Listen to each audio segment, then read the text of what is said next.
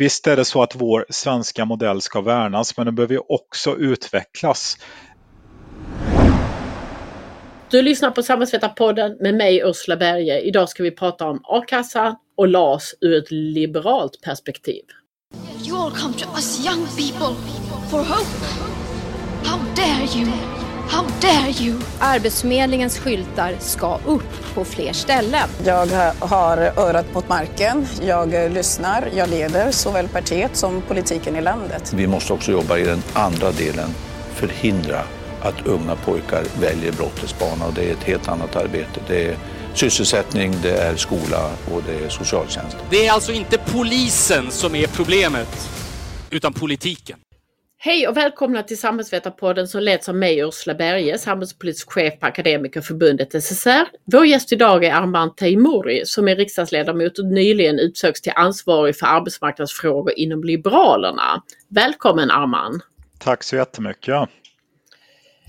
Du har ju tagit över som talesperson i arbetsmarknadsfrågor inom Liberalerna. Hur känns det att kastas in i leendets kula, det vill säga de stora stridsfrågorna som januariavtalet lite står och faller med? Ja, alltså det är givetvis både spännande och det är viktiga frågor. Och även om det är stora stridsfrågor så är det viktigt för mig att kunna hålla fokus. Eh, och det är att driva igenom viktiga liberala reformer på arbetsmarknaden. Och vi har ett stort ansvar, inte minst när vi ser att eh, nästan en halv miljon svenskar är arbetslösa. 160 000 av dem är unga och allt fler blir också långtidsarbetslösa. Och dessutom finns det en fortsatt oro i och med coronapandemin och då har ju politiken ett stort ansvar eh, där det gäller att eh, vi måste vara handlingskraftiga och i det arbetet kommer jag och Liberalerna att ta vår eh, Eh, ansvar på, eh, på största möjliga sätt. Eh, jag tänkte vi skulle börja med att prata lite om a-kassan och sedan tänkte jag att vi skulle komma in på LAS och partsmodellen och båda de här frågorna är ju avgörande i, inom ramen för det januarisamarbete som, som Liberalerna är en del av. Uh, och jag tänkte börja med att det står i januariavtalets punkt 19 att citat arbetslöshetsförsäkringen ska reformeras i linje med en flexicurity-modell. Vad betyder flexicurity för dig och för Liberalerna, Arman? Och jag skulle vilja säga att det handlar om tre saker. Det är en mer öppen, en mer flexibel och en mer trygg arbetsmarknad. Eh, och Liberalerna har ju förordat en svensk eh, flexicurity redan 2011 eh, och för oss är det därför reformeringen av arbetslöshetsförsäkringen är en del utav det. Men det är också minst lika viktigt att modernisera arbetsrätten och hitta en bra och hållbar möjlighet till omställning. Så flexicurity-modellen när det gäller arbetslöshetsförsäkringen ser jag som en del i ett mycket större arbete.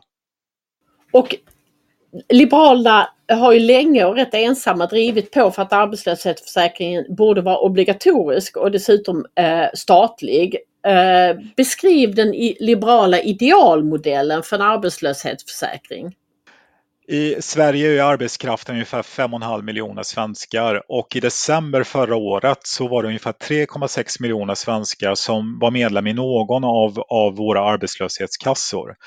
Eh, och det är alltså ungefär två miljoner svenskar som, som står utanför a-kassan, en allmän trygghetsförsäkring. Och vi vet också att de som väljer att inte bli medlemmar är ofta de med minst risk att bli arbetslösa eller personer med god ekonomi. Eh, och en annan grupp är de som skulle faktiskt ha behov av att vara medlem i a-kassan men som kanske inte vet hur man blir medlem eller inte ens eh, har förstått vad a-kassan är för någonting. Och i grund och botten kanske det låter rättvist, men det är också en stor svaghet i det frivilliga systemet. Och en allmän trygghetsförsäkring fungerar sämre eh, om personer som inte behöver den ställer sig utanför. Och då kan jag lyfta två exempel. Unga och friska människor betalar ju fortfarande till sjukförsäkringen och personer som har barn, som inte har barn, betalar ju fortfarande till föräldraförsäkringen. Då är det ganska rimligt om man skulle ha liknande principer även när det gäller arbetslöshetsförsäkringen. Och jag som en gammal företagare kan ju också se att det finns ju en positiv del i att ha en obligatorisk arbetslöshetsförsäkring för företagare. För det innebär att man skulle sudda ut skillnaden och gränserna mellan att vara arbetstagare eller att vara faktiskt en, en självanställd person och driva sitt eget bolag. Så eh, mitt svar är egentligen att vi borde införa en allmän arbetslöshetsförsäkring eh, som skulle vara inkomstberoende, med inkomstberoende ersättning eh, Eh, för alla som arbetat under en viss tid och dessutom så borde man också höja taket så det blir en trygg och bra försäkring.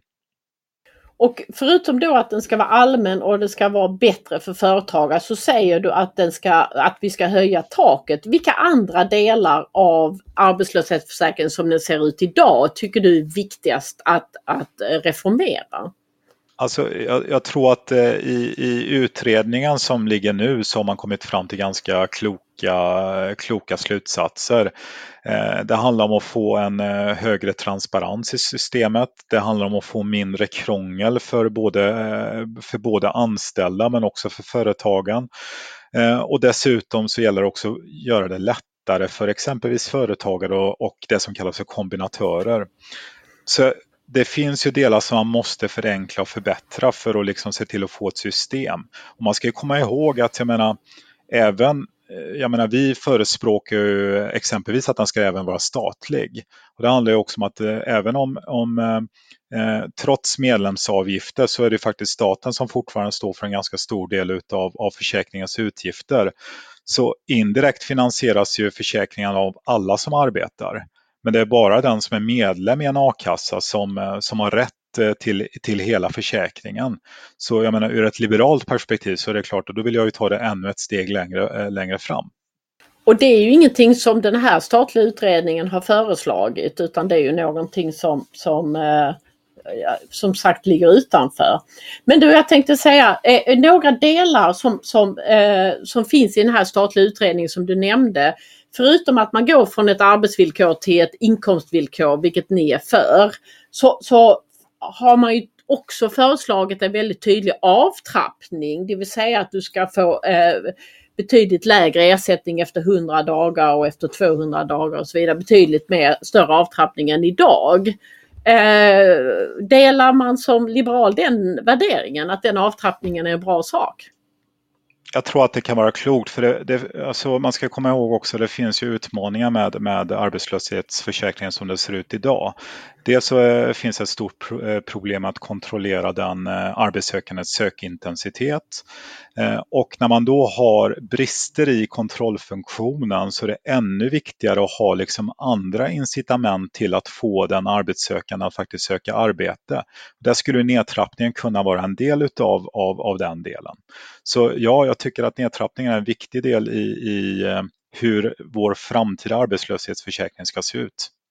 Utredningen föreslår också att man ska eh, kunna omfattas av färre dagar och eh, de flesta idag har ju 300 dagar ersättning och i den här modellen och har man barn så kan man få upp mot eh, eh 150 dagar extra, 450 dagar. Och vissa av de här förslagen är ju ner mot att man ska få 100 dagar maximalt. Är det också någonting vad det gäller antalet dagar som, som ni tycker är en bra reform? Alltså så här, hela tanken med arbetslöshetsförsäkringen är att det ska vara, alltså personen är ju under omställning mellan två jobb, det får man inte glömma bort.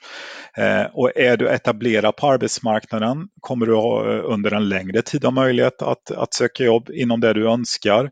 Men man måste också kunna bredda sin sökning om man inte hittar jobb inom sin kompetens. Och där tror jag också att mm, när det gäller ersättnings periodens längd så är det också ett viktigt incitament till att få folk att faktiskt söka jobb. Söka mer jobb och söka kanske utanför, utanför eh, de boxarna som man är i annars.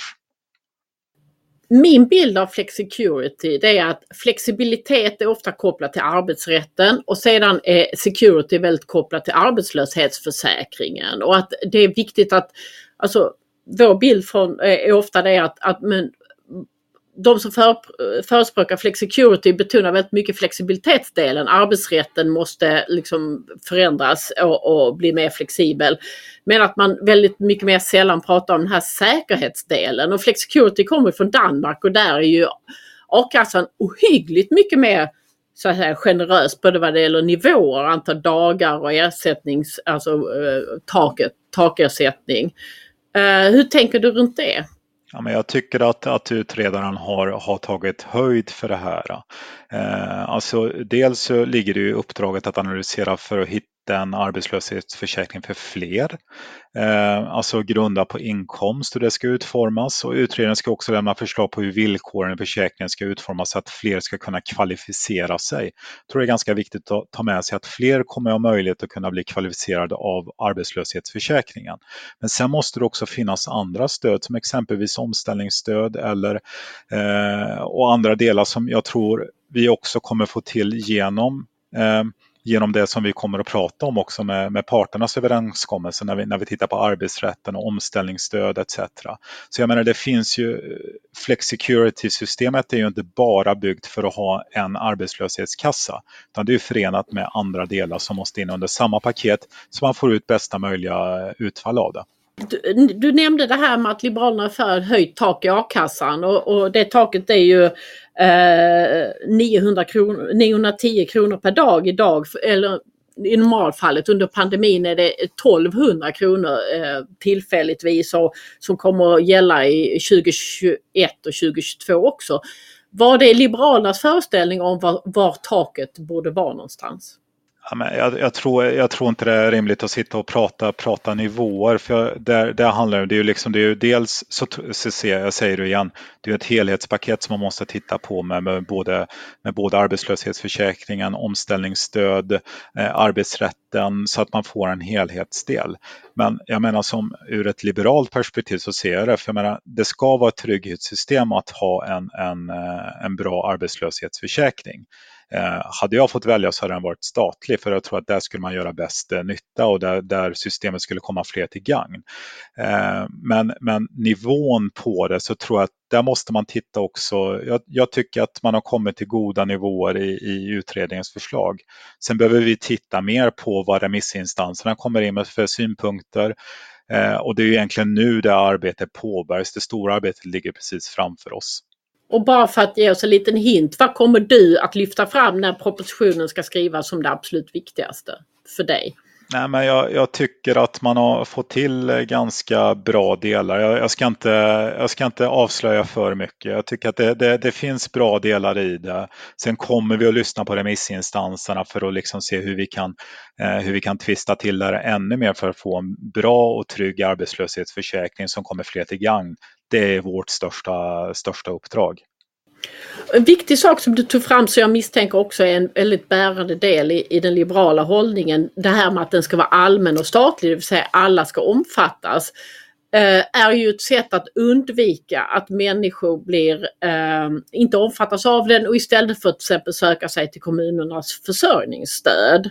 Eh, vad tänker du runt eh, det här Eh, förslaget som ligger nu och hur man ska undvika att det vältras över en massa ansvar på kommunerna eh, för personer som är arbetslösa och som skulle kunna omfattas av en allmän försäkring istället.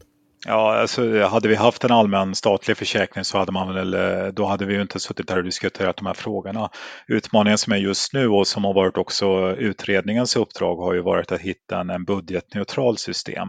Och det kan man ju se det att eh, även om eh, man höjer vissa delar så kommer man också sänka andra delar, eh, vilket gör att eh, det här ska vara ett nollsummespel enligt utredarens eh, förslag. Då. Eh, att även om det skulle bli ökade kostnader för kommunerna så kommer det bli lägre kostnader för staten i stort sett. Så att, eh, i slutändan så är det plus minus noll. Men det kommer att skapa en större trygghet för fler personer, fler kommer kunna omfattas av det och fler kommer också se nyttan av att vara med i en arbetslöshetsförsäkring som ska vara ett stöd mellan två arbeten. Mm. Precis. Eh, jag tänkte vi ganska snart ska komma in på den här eh, partsmodellen och den eh, uppgörelse mellan PTK och Svenskt Näringsliv som har kommit vad det gäller bland annat LAS men också annat. I den uppgörelsen finns det en principöverenskommelse där eh, parterna säger att man skulle vilja att det utreds förutsättningar för en kollektivavtalsbaserad a-kassa istället. Eh, jag förutsätter att du har, har sett det. Vad, vad tänker du som, eh, om det, den tanken som finns med i principöverenskommelsen? Alltså vi ska komma ihåg, eh, även, även nu när vi spelar in det här, vi, det är ju ingen av oss som har sett den slutliga versionen utav, av parternas överenskommelse. Men jag har ju noterat att parterna vill utreda förutsättningarna för en ny kollektiv eh, Eh, avtalsbaserad eh, arbetslöshetsförsäkring. Och deras överenskommelse handlar ju om flera delar, både en moderniserad arbetsrätt men också möjligheten att kunna ställa om mitt i livet genom kompetensutveckling och ekonomisk trygghet vid arbetslöshet. Och jag har förstått att alla de här delarna är viktiga för parterna. Så naturligtvis kommer vi att lyssna på parterna och utreda en sådan modell om de så önskade. Så eh, är det parternas önskemål då ska vi se till att utreda och se, se hur man kan hitta en eh, bästa möjliga, bästa möjliga väg.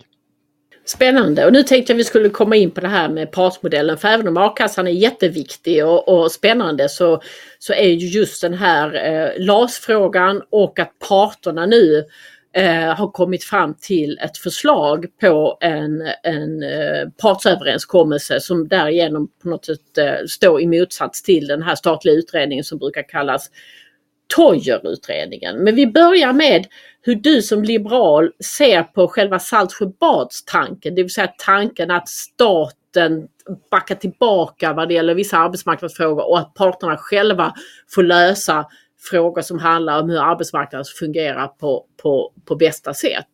Eh, jag var ju tvungen att och eh, kika. Jag såg att det är, eh, det är 82 år sedan, snart faktiskt, om bara några dagar, sedan LO och SAF då skrev, skrev under Saltsjöbadsavtalet. Och man ska komma ihåg att avtalet innebar en form för arbetsmarknadens parter att komma överens utan lagstiftning och statliga regleringar i förhandlingsrätten. Den svenska modellen eh, som dessutom fungerat väl och so far so good. Men vi ska också komma ihåg att exempelvis frågan om LAS var ett politiskt initiativ eh, faktiskt från Folkpartiet och där parterna var oense. Eh, och Folkpartiets initiativ handlade ju om, om LAS grundade sig ju i att eh, personer som jobbade i företag utan kollektivavtal hade ju inte några som helst skydd. Eh, och det tyckte vi var orimligt och till en början så var ju parterna helt emot det här men sen så anammade ju LO det här och, och eh, drev faktiskt så pass långt att vi klubbade igenom och fick en, en lag om det. Eh, så Visst är det så att vår svenska modell ska värnas men den behöver också utvecklas. Eh, och vi ska komma ihåg att staten har ju ett ansvar för alla och det är ju de med kollektivavtal, de utan kollektivavtal, arbetslösa, studenter. Så att vi har ett helhetsansvar som ibland måste trycka på extra för att få till bästa möjliga utfall för hela, för hela Sverige och samhället. Och jag har poddat med eh, eh både en av förhandlarna här eh, nyligen rörande det här och ibland och, och även eh, generaldirektören på Medlingsinstitutet. Och det finns en sån där föreställning om att ja, men ibland kanske man behöver pusha på varandra. Att, eh, att staten och, och parterna kanske ibland får växeldra lite. Är det så ni tänker också? Jo, men jag tror att det är viktigt med, med politisk påtryckning ibland och jag, jag tycker att alltså 70-talets LAS-fråga är ju ett exempel. Eh, något som vi idag tar för, för givet som är viktigt för alla, även för politiken. Eh, och jag tycker det är bra när parterna löser de utmaningar som vi ser på arbetsmarknaden. Men samtidigt så ser vi exempelvis att partssamtalen aldrig kom i mål. Eh, och vi ska komma ihåg att staten har ju som sagt ett helhetsansvar och då måste man ju kunna trycka på ibland för att få få igenom de ehm, eh, förändringar som, som arbetsmarknaden och samhället och Sverige behöver. Och det tycker jag det här är också ytterligare ett exempel att det är helt rätt väg att gå. När tycker du att staten aldrig ska vara inne och peta i arbetsmarknadsfrågor? Ja, men eh, det där är ju också, jag säger det, det är en hypotetisk fråga. Jag tror att man måste titta också på Staten har ett helhetsansvar. Eh, om man inser eller anser att, att det finns utmaningar som inte fin, har någon väg alls där till, till lösning så måste staten också kunna sätta ner foten. Och det ansvaret måste staten alltid våga att ta. Nu tänkte jag ställa en fråga lite utanför manus men det finns ju en eh, eh fråga som är väldigt aktuell på EU-nivå nu som handlar om minimilöner och där EU vill gå fram med lagstiftning eh, kopplat till minimilöner och där som står ganska, alltså att mer eller mindre att staten ska, ska lagstifta om löner. Och, och eh, från fackligt håll kan vi ju tycka att det är ganska långt utanför vad, vad eh, regeringar och staten ska peta i. Men vad tänker du som liberal? Ja, men du, du, du sätter ju, du säger, sätter ju fingret på, på en, eh, en stor fråga där det är ju helt en enig riksdag som ställer sig bakom det. Man ska ju, man ska ju fatta beslut på rätt nivå. Jag menar när det gäller minimilöner så är det inte enligt den svenska modellen och då EU ska inte vara inne i det, staten ska inte vara inne i det. Så det är klart att det finns, det finns frågor, men jag säger så här, staten måste alltid vara beredd och, och kunna fatta beslut och trycka på. Det är stor skillnad än att faktiskt gå in och välja vilka frågor man, alltså peka ut frågor. För det, det tror jag inte är liksom min roll att göra. Men staten ska alltid vara beredd att göra det. Och som sagt ett jättetydligt exempel på eh, partsmodellen är ju den här partsöverenskommelsen mellan PTK och Svenskt Näringsliv som, som skedde nu för några veckor sedan som, som eh, står då i, så att säga som ett komplement eller ersätter den statliga utredningen om, om förändringar av arbetsrätten som eh, Gudmund Toijer, justitierådet, ledde. Eh, vad tänkte nu för det första, vad tänkte du när du såg presskonferensen och det var PTK och Svenskt Näringsliv som stod där och inte LO? Ja men alltså så här, vi, vi har ju stått utan, vi har ju hoppats allihopa, alla har hoppats på att, att eh, alla parterna skulle komma överens. Så blev det inte utan nu har det varit PTK och Svenskt Näringsliv som orkade dra det, det långa strået och det långa lasset. Eh, vilket jag tycker är väldigt bra. De har tagit ett stort ansvar. Sen är det så jag tycker det är beklagligt att LO inte orkade hela vägen fram. Men det är väldigt bra att två av parterna har nu tagit ett beslut att de tillsammans vill gå in och förändra arbetsrätten, de vill gå in och förändra ett omställningsstöd och de vill också göra, eh, hitta förändringar i, i arbetslöshetsförsäkringen och det tycker jag är jättebra. De har tagit ett stort ansvar. Och vad tänkte du när regeringen sa att okej, okay, då går vi vidare med denna och inte med Toy-utredningen? Det var ju lite politisk turbulens eh, just i de dagarna. Alltså, äntligen var väl det, det första jag tänkte på. Eller tänkte. Jag tror vi ska påminna oss själva varför vi måste modernisera arbetsrätten. Menar, det har ju skett ganska stora strukturella förändringar på arbetsmarknaden de senaste 25-30 åren. Samtidigt så har vi en lag som är, som är äldre än vad jag själv är. Eh, och nu har ju både politiken, näringslivet, eh, många av facken och inte minst en, en majoritet av Sveriges löntagare insett att arbetsrätten måste moderniseras för att få bukt med många av de utmaningar som vi ser på svensk arbetsmarknad. Och vi och januariavtalet för sig också har ju varit extremt tydliga med att, att antingen så ska vi genomföra Toijerutredningen eller så ska vi genomföra parternas överenskommelse. Så därför är det ju superviktigt att, att regeringen äntligen satte ner foten och säger att nu ska vi gå vidare med parternas överenskommelse. Och eh, du skrev en tweet förra veckan där du skrev att det är antingen torgutredningen eller PTK Svenskt Näringslivs uppgörelsen som gäller. I vilket läge kommer torgutredningen att bli aktuell igen? Ja, jag kan säga att Toijerutredningen är i allra högsta grad fortfarande aktuell. Eh, levande och aktuell. Eh, och den har varken slängts i papperskorg som man har kunnat läsa någonstans, den har inte lagts på hyllan, eh, ingenting. Den är fortfarande aktuell. Och arbetet med den pågår ju tills dess att det finns ett DS-direktiv som är tydligt fastslår genomförandet av parternas överenskommelse. För vi har ju faktiskt ingen tid att förlora om parternas överenskommelse inte skulle komma i mål. Eh, och vi vill inte hamna i en situation där det inte blir någon förändring.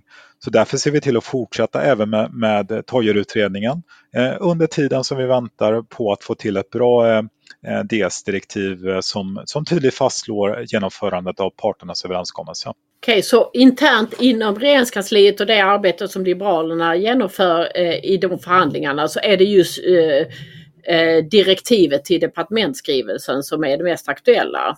Kopplat till det här. Är det så? Ja, eh, så här, vi har ju inte fått in någon hemställan än, eh, någon begäran om hemställan från parterna. Så, så tills dess att den har kommit in så kan vi inte påbörja hela arbetet med DS-direktiven. Eh, så vi inväntar först parternas överenskommelse, sen kommer vi göra en förhandling kring, kring de direktiven. Och tills, tills dess att de inte är fastslagna och tydligt liksom framgår att det är parternas överenskommelse man ska genomföra, tills dess kommer arbetet med Toijerutredningen att eh, fortgå. Och hur ser det arbetet ut? Jag som inte riktigt har insyn i det löpande arbetet. Hur arbetar man med Toijerutredningen nu? Ja, men dels så finns det ju, eh, det vet du, du också, det har ju kommit in en, en stor mängd remissvar som, som behöver gås igenom. Det finns ju också överlappningar mellan, där man kan se likheter mellan, mellan Toijerutredningen och, och Eh, parternas överenskommelse. Så det är klart att det förs diskussioner på olika sätt. Eh, och det arbetet kommer ju fortgå liksom, så att man inte tappar fart där.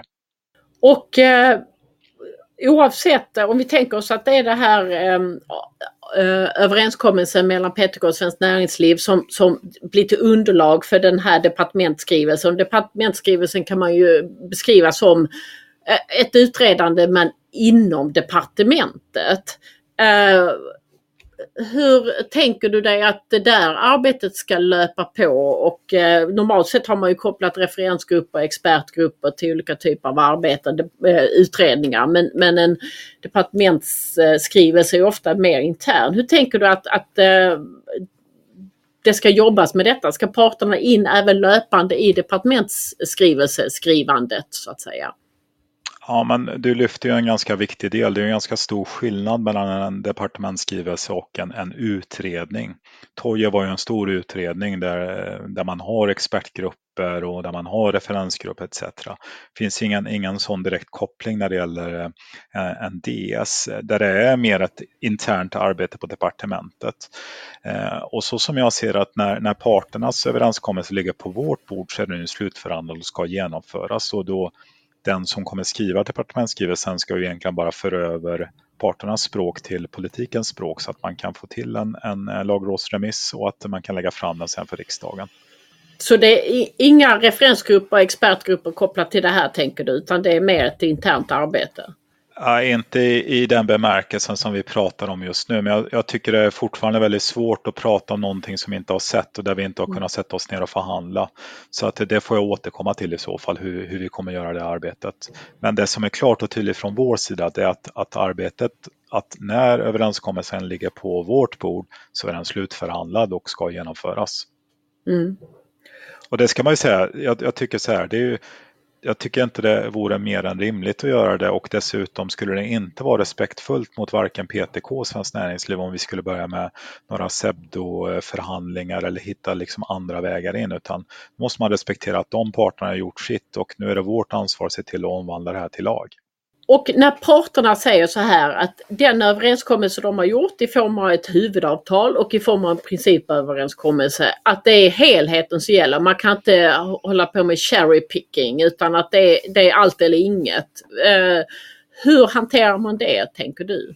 Ja, men det, är också, det sätter också fingret på, på saken. Det är ju en, en helhetsfråga där som kommer från parterna. Ehm, återigen ska vi säga, vi har ju inte sett slutliga versionen eller slutliga överenskommelsen.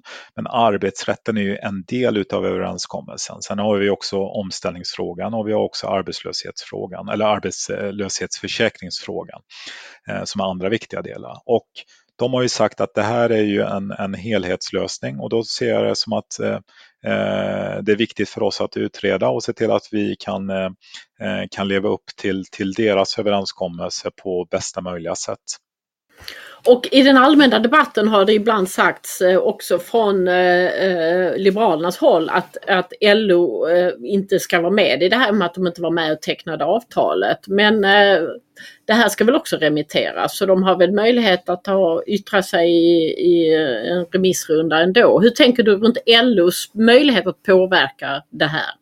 Ja, men alltså remissinstanser kommer med alltid. ha. Det gäller ju oavsett om det är en DS eller en vanlig SOU, alltså en vanlig utredning, så finns det alltid remissinstanser. Och remissinstanserna, alltså i, i det här fallet så är det egentligen för att göra tekniska justeringar som kan se till att vi får en bättre lag, eh, lagskrift. Och det är ju sånt, det är ju också även i, i Toijerutredningen så var det precis samma sak där, där vi, där vi såg liksom möjligheter att göra tekniska småjusteringar egentligen. Eh, och det kommer vi givetvis göra för vi vill ha en, en så bra lag som möjligt. Och ni har, ska ha ett möte eller har ni haft ett möte med LO? Du twittrade om det också såg jag. Nej, vi har, inte, vi har inte träffat LO ännu. Vi har ju träffat de enskilda förbunden och de andra parterna flertalet gånger sedan, sedan januari 2019 är det väl. Eh, men vi har inte träffat LO så att det ska bli spännande och eh, trevligt att få träffa dem också. Ja, vad spännande att få ta del av det på ena eller andra sättet. Och hur tänker alltså när jag har läst den här principöverenskommelsen och när jag har läst eh, huvudavtalet och så tänker jag så här, det, det, här innehåller ju så jättemycket. Det innehåller ju jättemånga förslag som handlar om aktiv omställning, det ska vara eh, utvecklas ett nytt statligt studiestödssystem och så vidare. Plus det här som vi pratade om tidigare med a-kassan. Alltså det är ju, eh, jag poddade med Irene Wennemo, GD på Medlingsinstitutet och hon sa att Ja, alltså de här delarna om a-kassan, det får man ju räkna med, det tar ju säkert tio år. Hur får man ihop de här alltså, olika delarna så att de, de, de liksom, tidsmässigt, alltså om, det, om LAS ska fram tidigt och, och de andra sakerna tar längre tid. Alltså jag har bara lite svårt att förstå hur man håller ihop det. Alltså eh, utifrån det arbete och den eh, tidsplan som, som vi har framför oss så ser vi att vi ska genomföra, eh, genomföra allt det här eh, innan, innan mandatperioden är över. Eh, men det är återigen är det så här, vi har ju inte sett eh, parternas eh, slutliga överenskommelse. Så när det väl ligger på bordet så kommer vi titta och liksom hitta, en, hitta en bra lösning framåt. Men arbetsrätten är vi helt övertygade om att det kommer i alla fall vara klart eh, och ska vara implementerat då innan mandatperioden är slut och de andra delarna kommer vi utreda och se till att ha en bra lösning på också. Och du har ju en väldigt öppen och, och, och ödmjuk inställning till partsöverenskommelsen. Och om man motläser detta mot det här januariavtalet som vi har läst fram och tillbaka så tusen gånger så står det i punkt 20 ett antal nyckelord som jag tänkte läsa upp. Det handlar om balans, flexibilitet, skydda mot godtyckliga uppsägningar, tydligt utökade undantag i turordningen då, lägre kostnader vid uppsägningar framförallt för mindre företag och rättssäkerhet. Tycker du att de orden som ni tillsammans kom överens om för nu ganska länge sedan, faktiskt eh, snart två år sedan, att eh, partsöverenskommelsen svarar upp mot de förhoppningar och vilja ni formulerade i januariavtalet? Eh, korta svaret på det är ju ja. Och jag tycker att både överenskommelsen precis som Toijerutredningen lever upp till de nyckelorden som finns i januariavtalet. Och det känns ju också tryggt eh, både för, för politiken men också för, för facken och för, för arbets, eh, eh arbetsgivarorganisationerna. Så att det, det, är en helhet och eh, eh, man har lyckats både i, i parternas överenskommelse precis som man gjorde i Toijerutredningen att leva upp till de nyckelorden.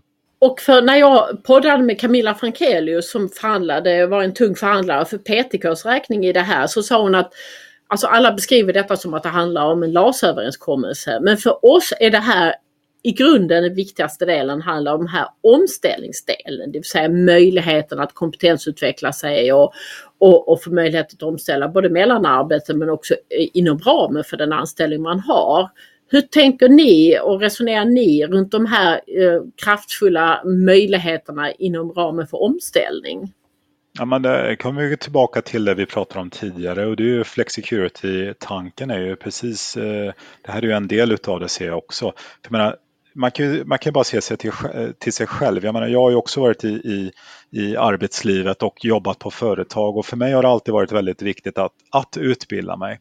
Och det är inte bara för min egen skull. Det handlar också om den arbetsplatsen som jag jobbar på. Men det blir också en, en, en stor styrka för hela den svenska arbetsmarknaden. Så det är klart att, att kompetensutveckla sig ska man göra och det ska man göra hela livet. För det gör att man ställer sig mycket starkare för sig själv, man står också mycket starkare på bolaget man jobbar på och man står mycket starkare på svensk arbetsmarknad. Så det tycker jag är väldigt bra. Och tycker du att staten, alltså det, ju, det, finns ju en hel del förslag här som, som känns som att det är statliga kostnader kopplat till det. Eh, hur ser du på, på statens ansvar kontra arbetsgivarens ansvar kontra den individens eget ansvar? Kostnadsmässigt inte minst. Ja, men alltså det, det, här är ju också precis de delarna som, man, eh, som vi måste faktiskt utreda. För vad, vad, kommer det kosta staten och vad kommer det kosta svenska skattebetalare? Eh, likväl som vad, vilka värden som det ger till dig som eh, som enskild eh, person och till företaget du jobbar på. Så de här delarna är det som vi måste eh, titta på när parterna har kommit in med sin överenskommelse och vi går vidare med den. Eh, så det ser jag som en, en viktig del i, i, i det fortsatta arbetet. Nu ska vi börja avrunda här. Jag tänkte bara fråga, vad, vad har du för, vilka är dina största förhoppningar kopplat till det här arbetet när det väl går i mål och, och i slutet av den här mandatperioden? Ja, men alltså, jag tycker att det är ganska självklart att svensk arbetsmarknad behöver en mycket mer flexibel eh, arbetsrätt. Vi behöver ha möjlighet att ställa om mitt i livet. Framförallt måste vi göra det lättare för företagen att, eh, eller vi måste göra det lättare och billigare för företagen. Och det är ju för att fler ska gå från bidrag till jobb. Fler ska ha ett jobb som, eh, och gå till varje dag och att fler ska gå från ett utanförskap till ett innanförskap. Det ser jag som mitt största uppdrag i alla fall under, under den här mandatperioden. Och vad tror du blir svårast av allt det här? Vad är minst liberalt?